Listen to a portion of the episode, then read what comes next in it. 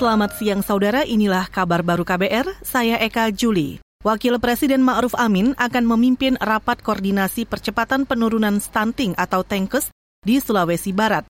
Wakil Presiden bersama rombongan berangkat dari Pangkalan Udara Halim Perdana Kusuma menuju Sulawesi Barat pagi tadi. Setelah rapat koordinasi, Wapres akan meninjau kegiatan Posyandu sekaligus memberikan bantuan pangan.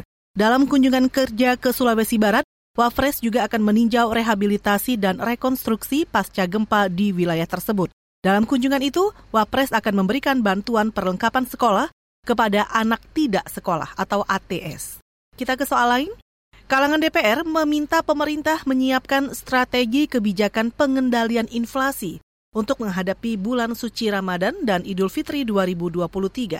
Anggota Komisi Bidang Ekonomi DPR, Kamrasus Samad mengatakan pemerintah harus bisa memastikan stok kebutuhan pokok masyarakat dan kebutuhan yang lainnya. Selain itu, pemerintah juga harus mengawasi jalur distribusi bahan pokok.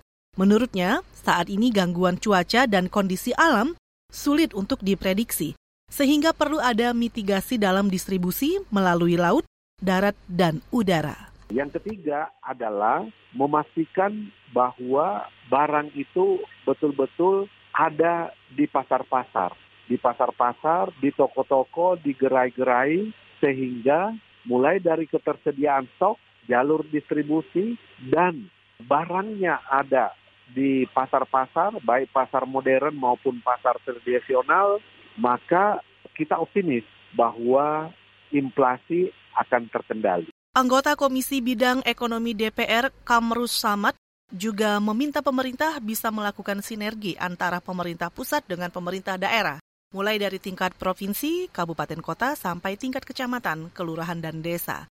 Menurutnya, hal ini harus dilakukan untuk memastikan bahwa kebijakan di tingkat nasional bisa diimplementasikan sampai ke tingkat pemerintahan terendah.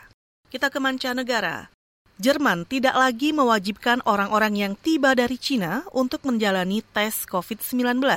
Melansir Xinhua, badan yang bertanggung jawab untuk pengendalian penyakit menular di Jerman, Robert Koch Institute dalam rilis tertulisnya menyatakan, China tidak lagi diklasifikasikan sebagai area varian of concern, di mana sebuah varian tertentu yang diwaspadai mengancam akan muncul.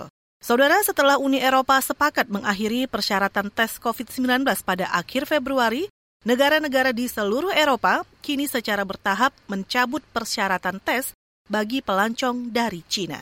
Demikian kabar baru, saya Eka Juli.